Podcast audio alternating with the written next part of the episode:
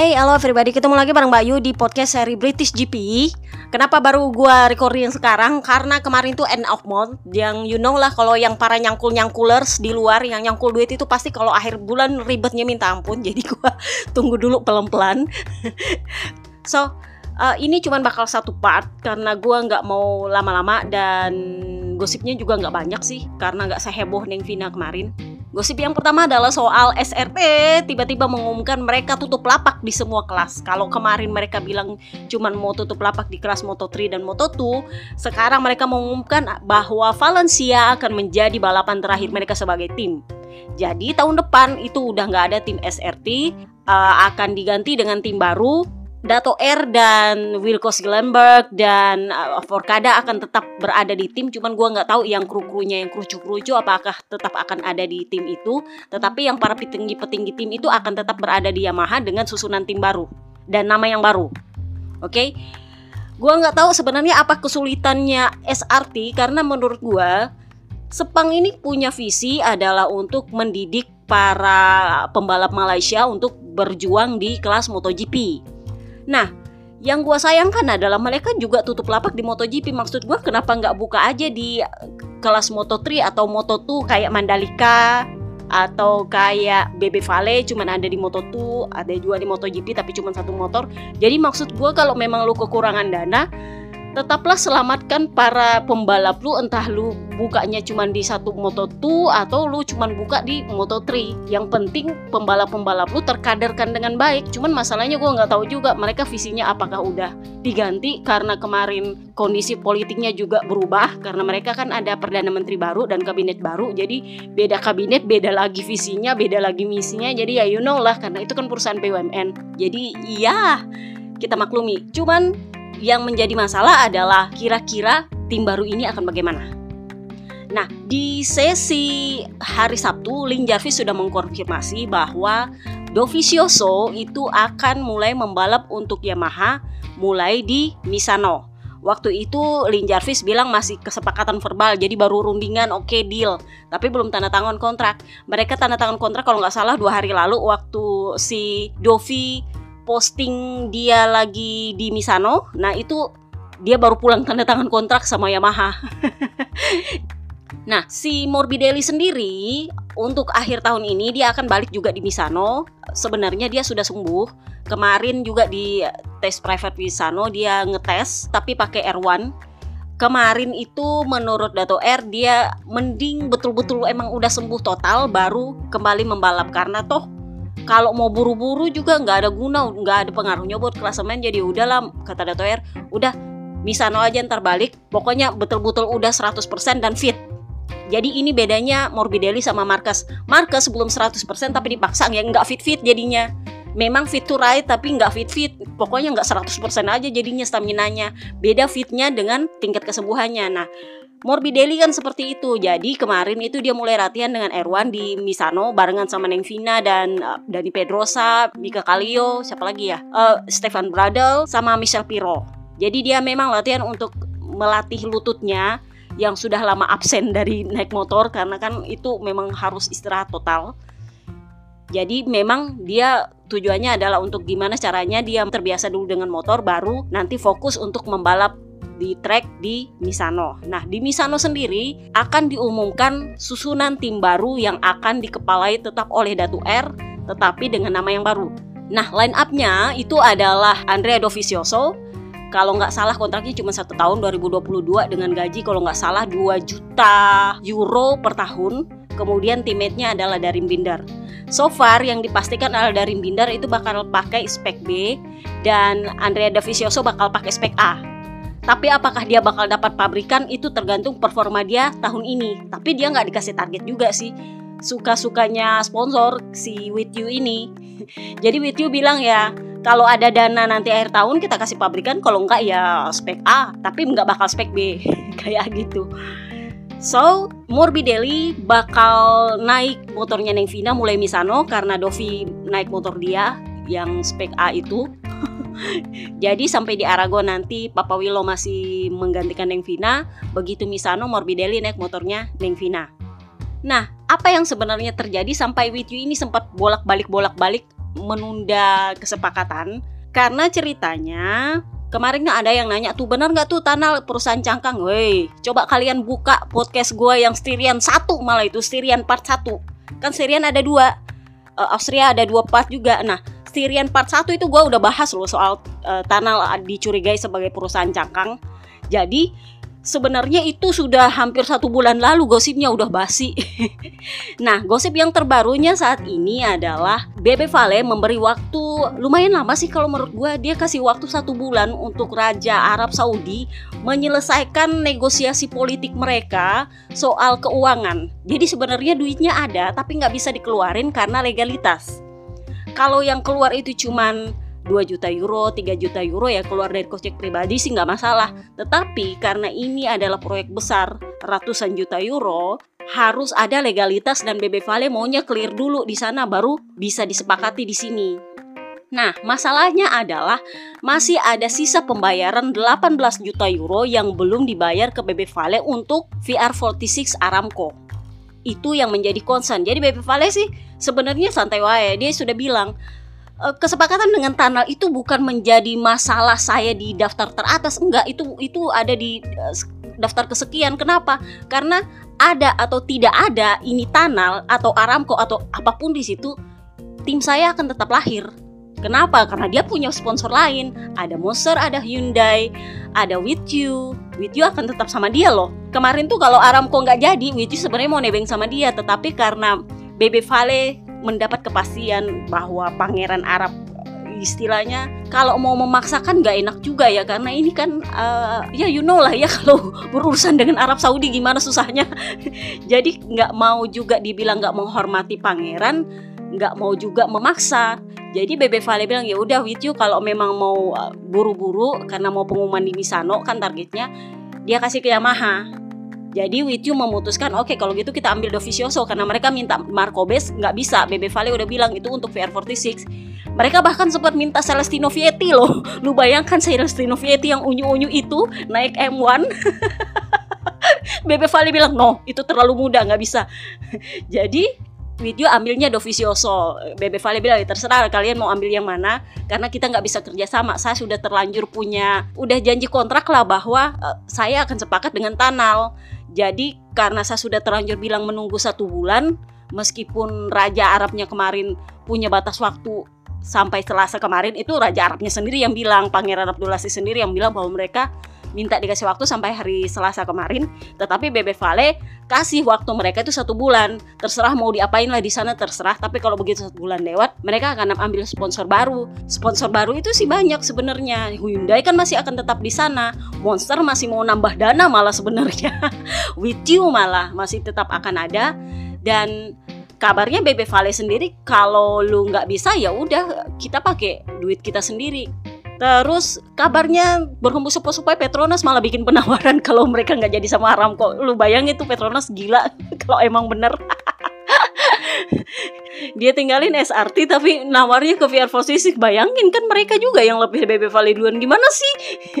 Itu kalau benar ceritanya. Gue belum dapat uh, kabar dari Malaysia ini bener apa enggak. Itu cuman gosip karena mereka kan saingan sama Aramco. Jadi kalau Aramco emang nggak mau ya Petronas katanya punya potensi ke sana. Potensi. Tetapi apakah benar apa enggak? Who knows? Nah, kalau kalian dengar Styrian part 1, kalian pasti tahu bahwa Aramco minta polisi Italia untuk menginvestigasi masalah kontraknya BP Vale. Itu kabarnya petinggi Aramco itu sampai bikin pertemuan rahasia sama Carmelo Espeleta untuk membatalkan tim ini. Tapi Carmelo Espeleta kembali lagi bilang kita tunggu aja. Kenapa? Karena sama seperti BB Vale, mereka punya keyakinan uh, biarkan mereka memperbaiki dulu ini sebenarnya apa yang salah karena itu adalah soal birokrasinya Arab Saudi. Aramco sendiri itu adalah perusahaannya Arab Saudi dan itu perusahaan yang dikepalai oleh pangeran juga. Pangeran Abdulaziz adalah kalau bisa dibilang hierarki pangeran uh, beliau yang paling tinggi sih sebenarnya.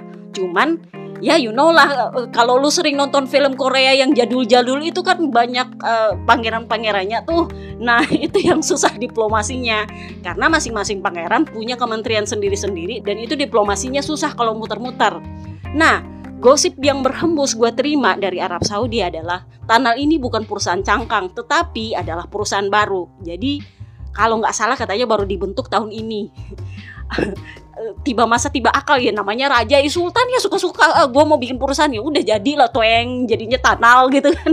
Kayak gitu ceritanya teman-teman. Jadi itu bukan perusahaan cangkang tetapi perusahaan yang totali masih baru dan sengaja dibangun semacam sebagai konsorsium dari Arab Saudi untuk mengembangkan dunia hiburan dan olahraga karena mereka mau bikin proyek kota yang baru. Nah, proyek kota yang baru ini sendiri juga ada di sponsornya motornya Luka kalau nggak salah ya. Kalau kalian lihat itu nyempil-nyempil di bawah sedikit itu adalah konsep kota baru mereka. Tapi memang belum ada di daftar karena emang itu adalah konsep kota baru. Ngerti?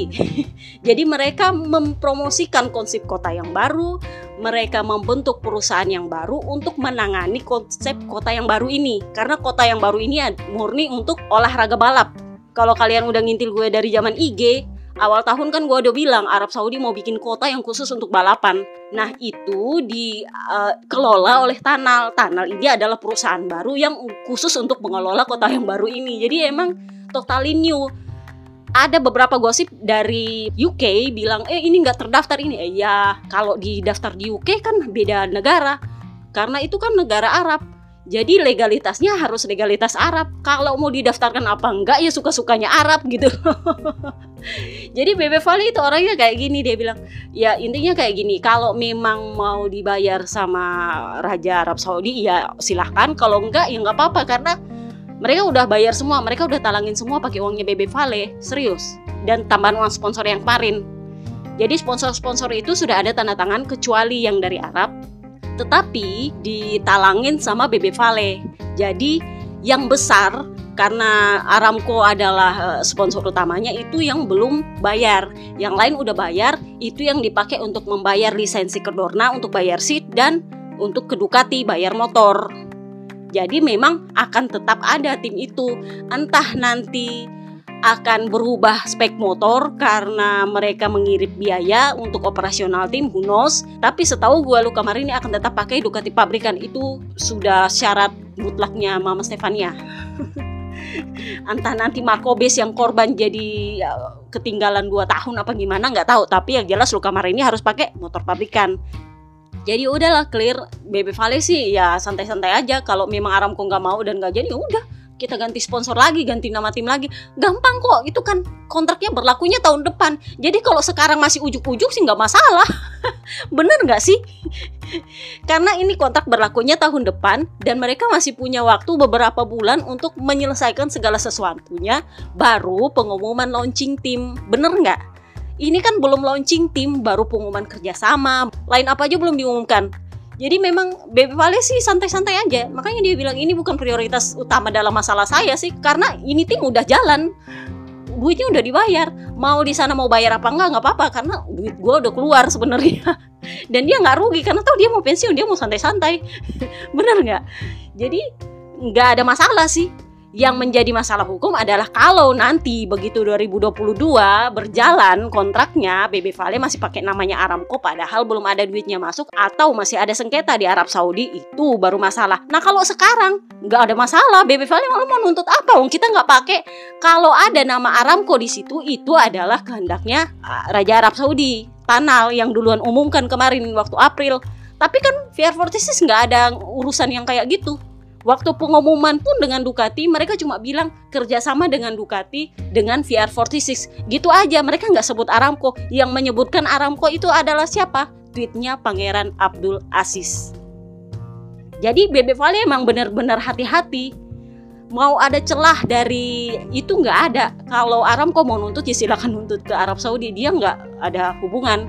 Karena uang juga baru uang DP sih. Bebe Vale bilang ya dikembalikan aja nggak masalah Oke, jadi clear ya. Apakah Tanal ini perusahaan baru atau perusahaan cangkang? Gue bilang itu adalah perusahaan baru yang baru dibikin untuk mengelola kota baru yang nanti sedianya akan menjadi kota balapan.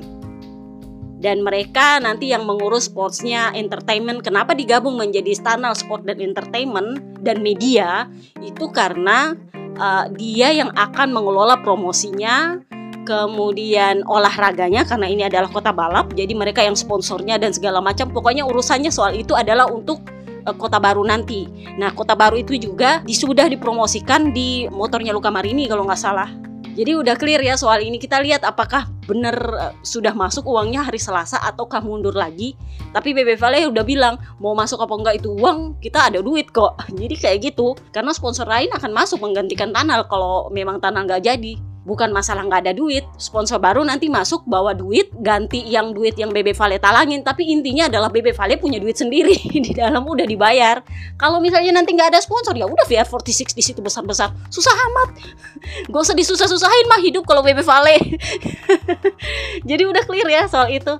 Ah kemudian kemarin ada juga yang nanya kenapa gua nggak muncul-muncul di IG kenapa nggak balik lagi ke IG uh, gue udah terlanjur nyaman dengan uh, blogger. Kenapa? Karena gue nggak terbatas soal karakter. Jadi gue mau ngomong sepanjang apa, mau ngetik sepanjang apa, mau gambar sebanyak apa, gue bisa bikin di satu artikel. Bedanya kalau di IG kan itu terbatas karakternya. Nah kadang-kadang kalau gue udah pakai laptop, gue kan udah nggak tahu berapa karakter yang gue ketik. Begitu di posting yang muncul cuma gambar tok, captionnya hilang. Pernah nggak? Yang udah lama ngintil gue pasti sempat nanya tuh. Ini gambarnya nggak ada caption, itu ceritanya kayak gitu karena kelebihan karakter terus nggak diposting sama IG-nya cuman gambarnya toh. Itu yang pertama. Kedua kalau kalian ngintil gue ada yang baru-baru tuh terus biasanya nanya terus gue bilang scrolling aja ke bawah pasti ada. Karena gue itu gambarnya apa captionnya apa. Jadi kalian susah banget scrollingnya. Nah kalau di blogger kalau kalian mau cari sesuatu Kalian sisa ketik kata kuncinya apa di kolom pencarian, itu akan muncul artikel dengan kata yang ada tersebut itu dari yang baru sampai yang lama. Atau kalian kalau misalnya ketinggalan cuma seminggu atau tiga hari, kalian bisa scrolling ke bawah terus klik postingan lain. Sisa cari aja di situ. Sudah berapa lama lu telah. Tapi kalau misalnya yang dua bulan lalu, tiga bulan lalu, bahkan awal-awal gua buka blogger, kalian sisa cari di kolom pencarian atau cari di label. Misalnya race result ada di label atau misalnya cari ban gaib kalau mau cari alokasi ban ada di situ intinya gampang lah kalau di blogger itu yang kedua yang ketiga adalah gue udah males sama IG bukan kepada gue nggak mau kehilangan follower atau gue nyari like atau gue nyari view enggak. Tapi lebih kepada gue nggak suka IG itu tutup akun gue dan semua postingan gue kerja keras gue selama 4 tahun 5 tahun 6 tahun itu hilang semua lu tahu nggak? Itu gue nyari source gue nyari gambar gue nyari informasi gue update buat lu. Itu butuh waktu butuh tenaga butuh kuota. Dan itu tiba-tiba hilang aja sama IG dan itu gue nggak suka. Cuman gara-gara apa? Alasannya kemarin? Meniru. Menurut gue itu nggak masuk akal. Karena ada hak intelektual gue di situ yang diambil alih sama IG tanpa alasannya masuk di akal postingan gue yang hilang berapa ribu itu? 15 ribu kalau nggak salah. Itu kerja keras gue di situ itu hilang semua dan itu gue nggak suka. Jadi kalau kalian tanya kapan gue balik ke IG no I will not back to them. Gak mau lagi gue intinya kalau kalian mau tetap update ya lu harus buka blogger terus follow gue atau lu follow ke FB yang di fanpage-nya Mbak Yu, lu cari aja hashtag Mbak Yu pasti dapat. Cuman itu memang agak lama karena itu auto post. Suka-sukanya auto post mau postingnya sekarang atau postingnya sejam lagi. Biasanya sih katanya tiap jam dia ngepost. Tapi kalau lu mau responsif, lu komen gue masih bisa tanggapi ya lu ke blogger sama juga kalau di YouTube itu lu mau komen apa atau apa gue nggak baca. Karena itu yang pegang adalah admin akun. Jadi kalau lu mau komen ya komennya di blogger. Kadang gue buka kadang gue balas kadang enggak ya ya tergantung suka-suka gue sih sebenarnya. Seperti biasa gue punya hak untuk mood gue jadi udah ya clear. Apalagi kita bahas. Oke kita bahas soal ban. Jadi di Silverstone ini ban yang turun adalah ban khusus. Kenapa? Karena menurut Piero Taramaso, layoutnya Silverstone ini adalah layout yang membutuhkan ban yang tahan panas untuk trek lurus dan mampu bermanuver di tikungan cepat. Jadi memang mereka punya desain khusus yang turun di Silverstone ini. Ban belakang totali asimetris dengan sisi kanan lebih keras dan ban depan itu totali simetris. Komponnya sama soft medium hard. Nah, apakah ada jadi masalah? Selama hari Jumat dan Sabtu itu nggak ada masalah sih. Rider rata-rata suka dengan gripnya. Bahkan Bebe Vale Bebe Vale pun itu sampai lolos Q2 di hari Jumat. Di hari Jumat dia lolos Q2 beberapa orang sih senang. Ya menurut gue sih mungkin karena SRT sudah pengumuman tiba-tiba mau tutup lapak ya mereka jadi fokus untuk gimana caranya supaya para ridernya ini bisa maksimal karena mereka juga sudah kapan lagi ini terakhirnya mereka juga. Tetapi pada akhirnya tetap juga ban yang menentukan kan? Bener sih kayak Peko bilang udah skill udah oke okay, motor udah oke okay, ya bannya yang hancur. Iya kayak gitulah ceritanya. Waktu Baby Valley itu sempat ada yang komen Mbak Yu kira-kira dia bakal podium nggak ya? Gue udah bilang feeling gue kok kayak Katalan ya karena kalau di Katalan kemarin dia udah bagus dari hari Jumat begitu hari Minggu amburadul yes bener kan? Hari Minggunya dia amburadul karena udah gue bilang kalau dia bagus di Jumat Sabtu biasanya hari Minggu dia amburadul nah kalau dia hari Jumat Sabtu jelek banget gitu kan orang sampai pesimis banget. Biasanya dia hari Minggunya entah gimana jadi surprise gitu. Jadi kayak gitu sih kondisinya dan gue nggak kaget sih waktu Bebe Vale bilang oh, ban belakang gue kok kayaknya meleleh jadi ya bener ini sudah kayak Katalan kemarin yang dia begitu optimis di hari Sabtu dan Jumat, begitu hari Minggu kacau balapannya. Nah, kita bahas lagi soal hari Sabtunya. Jadi ceritanya si ikan new baru Jorge Martin tuh yang sempat dihore-horein gara-gara dia pecah rekor gue tuh sampai eh kok bisa? Tetapi maaf itu cuma prank. Jadi ceritanya si Jorge Martin waktu di sesi kipi dia ketemu si Mark Marcus di awal sesi. Si Mark Marcus ngintil dia dia tahu nih dikintilin. Ya udah dia biarin kan ini masih awal sesi. Ternyata si Mark Marcus bisa lumayan lah di tengah posisinya terus dia menggangkan kepala gitu kayak bilang terima kasih sama si Jorge Martin jadi Jorge Martin bilang ya memang di awal sesi dia ngintilin saya nah pas di akhir sesi itu kan sisa satu lap lagi tuh lap terakhir karena udah keluar check the flag jadi dia memang sementara hop lap Terus dia lihat ada Marcus di depan sana. Tapi kondisinya si Marcus udah lewat sisen. Jadilah dia memotong itu sisen supaya dia bisa dapat Marcus lebih cepat. Karena dia niatnya adalah mau ngintilin Marcus. Karena kan Marcus ngintil dia di awal sesi. Jadi dia oh, gantian dong kapan lagi. Mumpung nih karena Ducati sama Honda kan 11-12 lah powernya. Jadi dia bilang oh, gue ngintil juga ah. Jadi seperti itu karena Martin sendiri juga memang tukang ngintil. Jadi dia bilang saya niatnya adalah mau mau ngintil Marcus, makanya sesengaja motong Cisen. Tetapi karena waktu itu juga dia sementara hot lap, transporternya dia ngitung. Dihitunglah itu, akhirnya dibilang tembus rekor. Dia tuh sampai, hah, gue tembus rekor? Enggak deh kayaknya. Jadi begitu sampai di Pavem dia bilang, kayaknya ada yang salah, itu bukan lap saya, coba lihat baik-baik akhirnya dibatalkan kan dia punya lab itu sampai timnya tuh sampai bongong tapi memang karena dia motong sisen dan itu jauh banget tuh bedanya sepersepuluh detik loh jadi dia mau balik ke pit tapi ditahan sama orang Dona bilang enggak kamu tim independen terbaik jadi tetap masuk Pavem jadilah dia ke Pavem situ. Sempat diketawain sama front row sama si Paul sama si Peko sama Quartararo. Dia bilang ih kamu kenapa? Si Paul kan nanya gitu terus si Peko bilang iya kita sampai kaget loh kok kamu bisa rekor? Padahal kalau dipikir-pikir nggak mungkin cetak rekor karena waktu itu eh, lintasan memang lagi dingin jadi emang agak susah untuk bikin rekor secepat itu kecuali kalau lagi panas jadi si Martin bilang enggak itu salah transporternya. Saya cuma mau ngejar si Marcus sih tadi itu ceritanya. Kayak gitu kata dia. Akhirnya mereka ngekek bareng lah di situ. So kita bahas soal balapan. Nah balapan ini kalau di hari Jumat dan Sabtu para rider nih suka dengan ban. Di hari Minggu banyak yang komplain. Michelin, gua harus akui menuai begitu banyak uh, komplain Bahkan Ducati itu sampai minta penjelasan. Kenapa? Karena kondisinya seperti ini. Si Peko ya itu kan pakai kombinasi soft medium sama dengan Quartararo. Sementara para Honda dengan eh, ini Bastian ini kalau nggak salah ya itu pakai ban belakang soft. Nah, kalian udah tahu kan gosip hembus sepoi-sepoi bahwa si Ori kalau dia di sirkuit dengan KTP khusus itu biasanya dia pindah. Nah, memang gosip berhembus supaya bahwa Ori ini nggak di pedoknya si Jurun Rakor. Dia pindah ke pedoknya tuan rumah. You know who? Yang pakai motornya Neng Vina.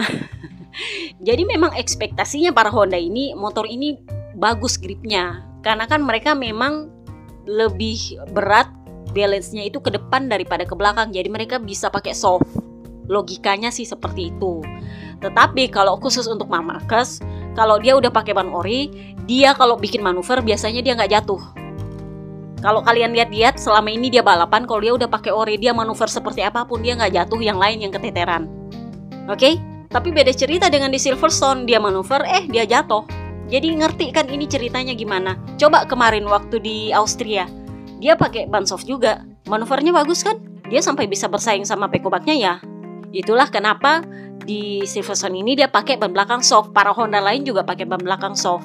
Karena menurut mereka itu strateginya uh, track juga nggak terlalu panas jadi mereka bisa pakai soft. Nah beda cerita sama Ducati. Ducati ini balance-nya bukan di depan tapi di tengah-tengah dia hampir sama dengan Suzuki kalau gua nggak salah ya.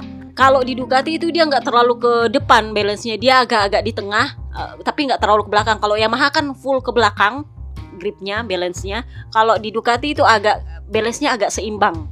Dia hampir sama dengan Suzuki agak seimbang. Nah, Peko sendiri itu sudah menguji ban depan soft itu selama di FP3 selama belasan lap. Jadi sekitar apa berapa ya dibilang kemarin 17 sampai 20 lap kalau nggak salah. Itu baik-baik saja ban depan softnya. Jadi menurut dia agak nggak masuk akal dia memakai ban soft depan di balapan baru sekitar 6 atau 7 lap udah hancur. Beberapa orang menganggap bahwa ini masalahnya adalah ban depan, makanya dia melorot. Tetapi yang menjadi masalah adalah ban belakang. Itu ban belakangnya medium dan Quartararo juga pakai medium dan banyak rider lain juga pakai medium. Baby Vale juga pakai medium loh, Mir pakai medium. Jadi ya emang kenapa mereka bertiga ini melorot-melorot ke belakang yang lain maju-maju ke depan. Itu yang dipertanyakan oleh Peko ya karena dia start dari posisi 2 sama dengan Sektaro yang start dari posisi 3 dengan kombinasi ban yang sama. Tetapi Snake Taro itu kan Yamaha balance-nya di belakang. Dengan ban medium dia moncer sendiri. Sementara Peko itu balance-nya itu nggak terlalu di depan, nggak terlalu di belakang, tapi dia benar-benar kehilangan grip ban belakang. Dia bilang itu udah nggak bisa diapa-apain. BB Vale apalagi hilang sama sekali itu ban belakang.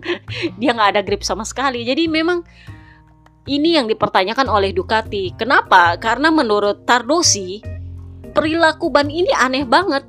Mereka sudah menguji itu di FP4 dan di FP3 itu nggak ada masalah tapi kenapa pas balapan ini benar-benar jauh dari ekspektasi intinya Peko ini udah kayak PB Vale waktu di Katalunya kemarin itu yang sampai puyeng ini kenapa dengan ini ban karena ini ban persis sama waktu di FP tapi perilakunya berbeda saat balapan bedanya adalah karena BB Vale waktu komplain itu Yamaha cuman anyepin kalau ini nggak Ducati reboot. Kenapa? Karena Peko ini adalah salah satu kandidat Jurdun dan gara-gara performanya memburuk kemarin di Silverstone, itu otomatis dia terlempar dari kandidat Jurdun. Udah jauh banget.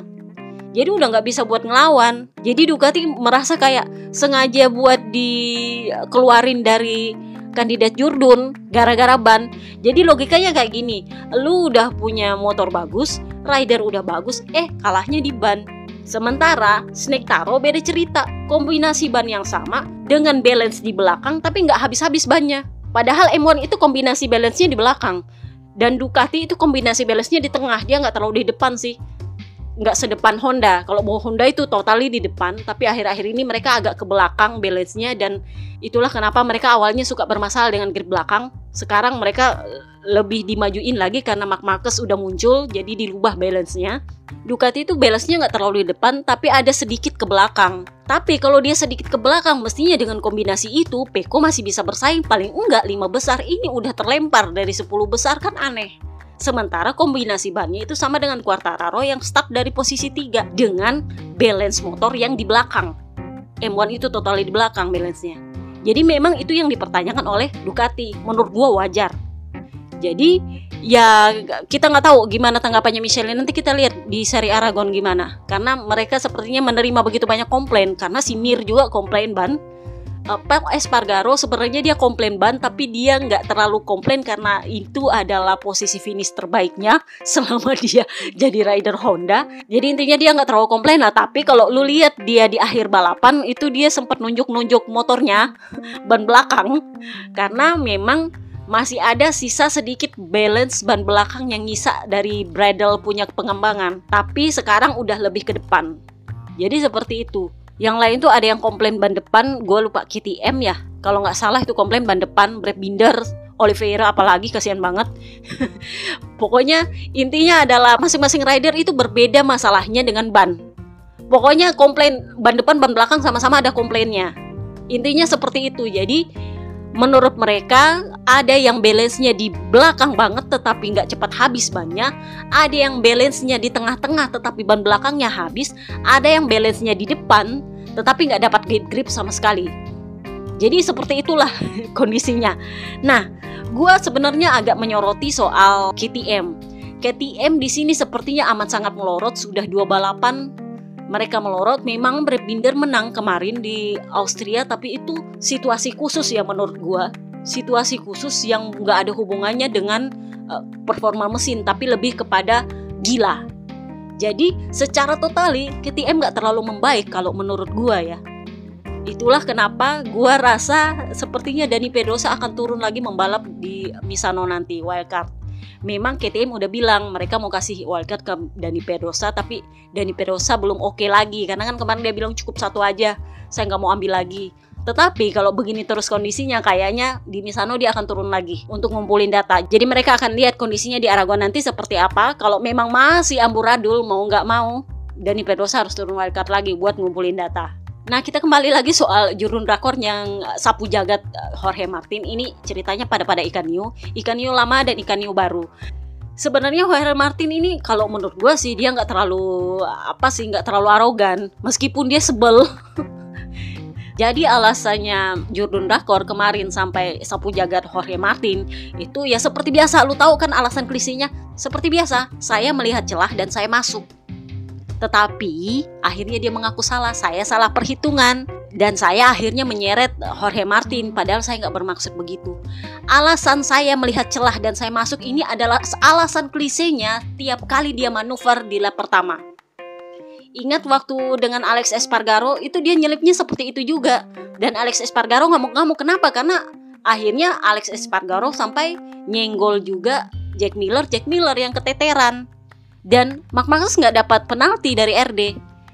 Alex Espargaro kan kemarin menuntut penalti untuk tindakan seperti itu karena itu merugikan rider lain.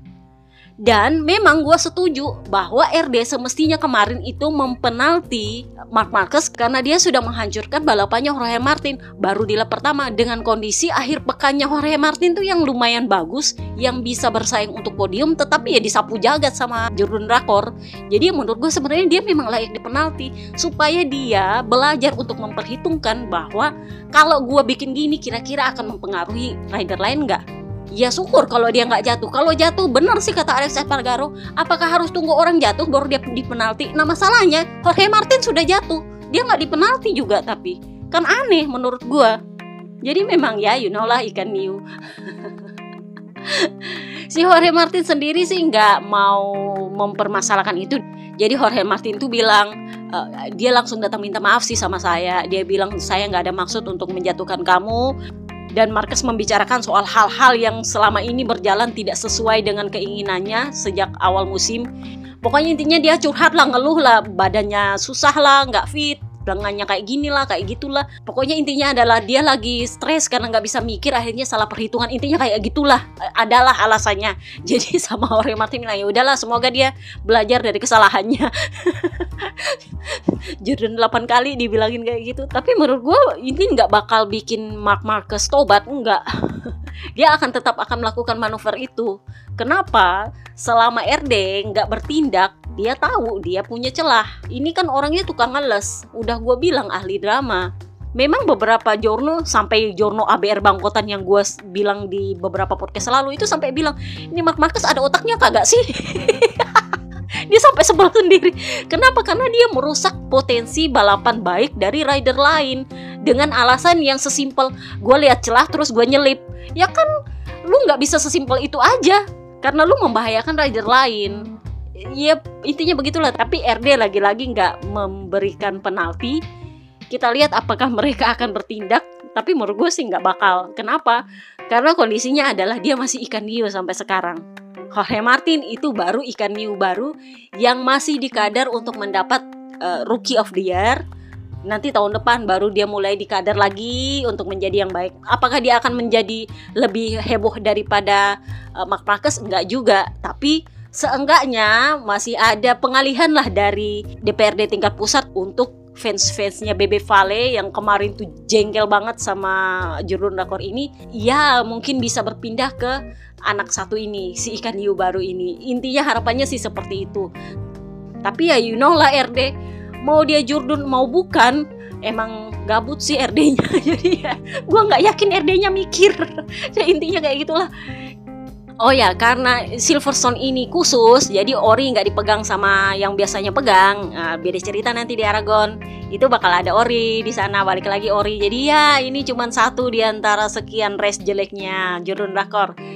Kemungkinan dia akan balik lagi dengan orinya di Aragon.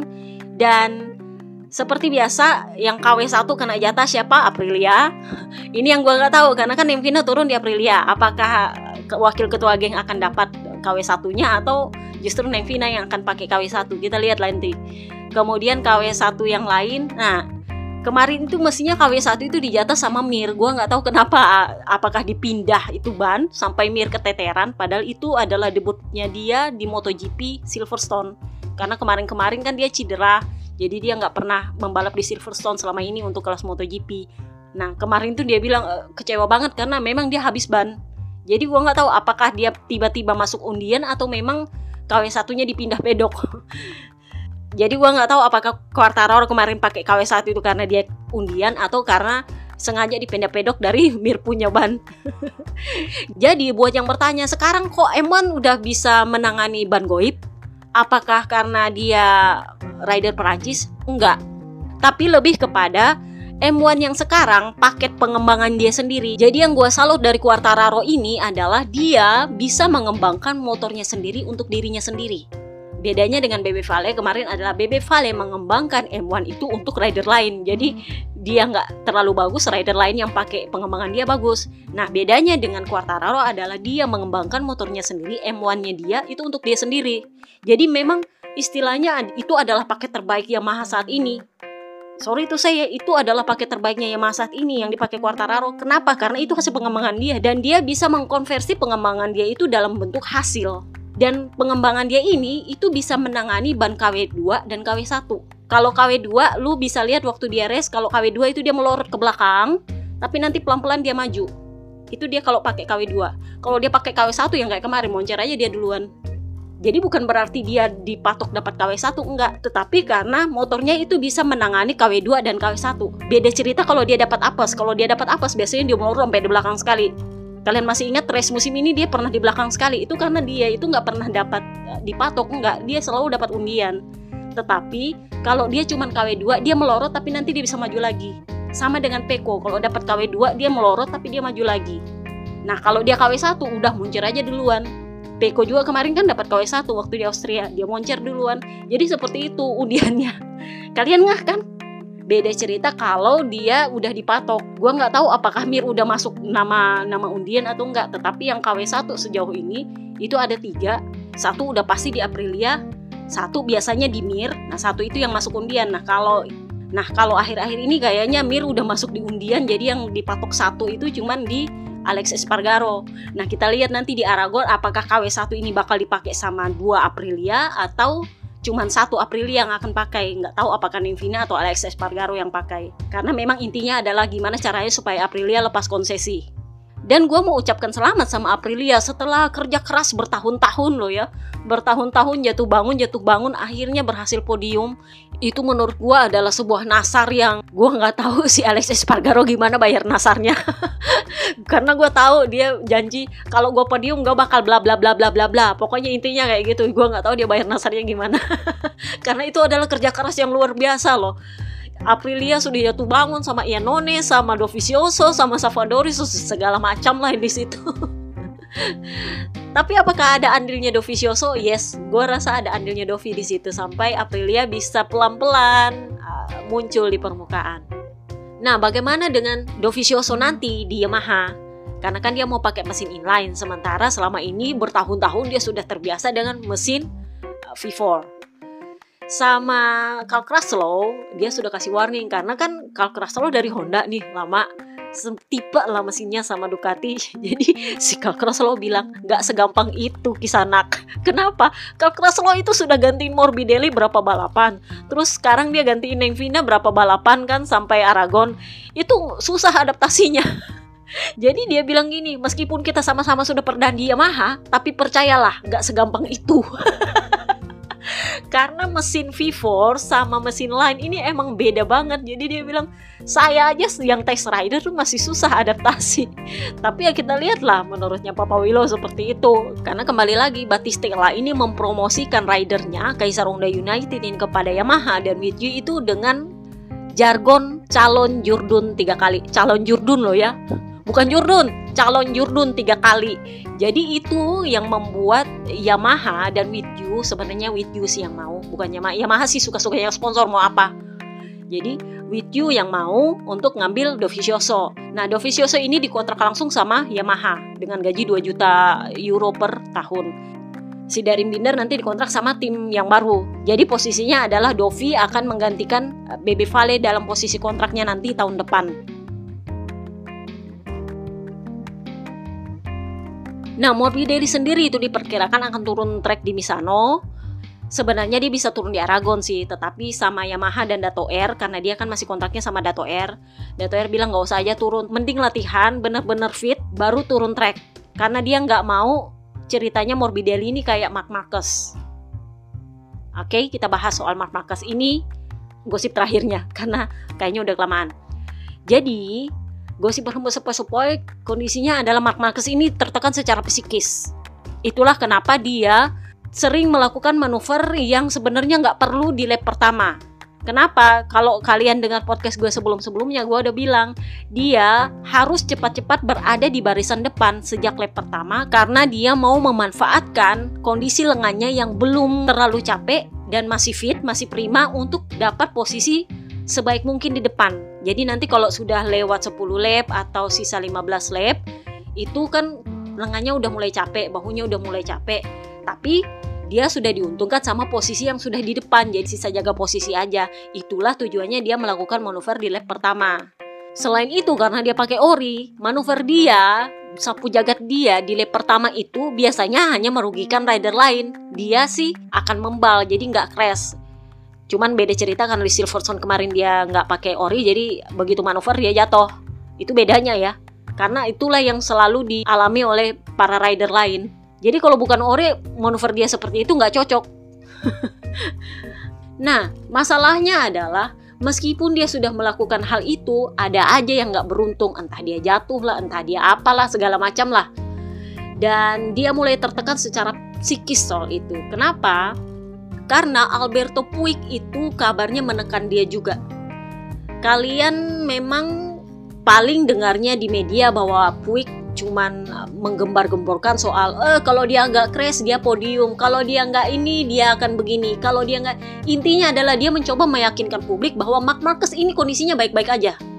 Padahal sebenarnya Mark Marcus itu nggak baik-baik aja. Sorry to say. Gaji dia itu 15 juta euro. Dan karena tahun lalu itu kali nol tahun ini petinggi Jepang mulai ribut soal gajinya. Artinya sudah dua tahun kita kasih keluar duit 30 juta euro tapi nggak terlalu maksimal, nggak ada hasil bisa dibilang. Jadi kondisinya adalah memang Puig ditekan, Puig menekan Mark Marcus. Nah Mark Marcus itulah kenapa lu sering lihat sekarang dia mulai sering crash karena dia menekan dan memaksa tubuhnya.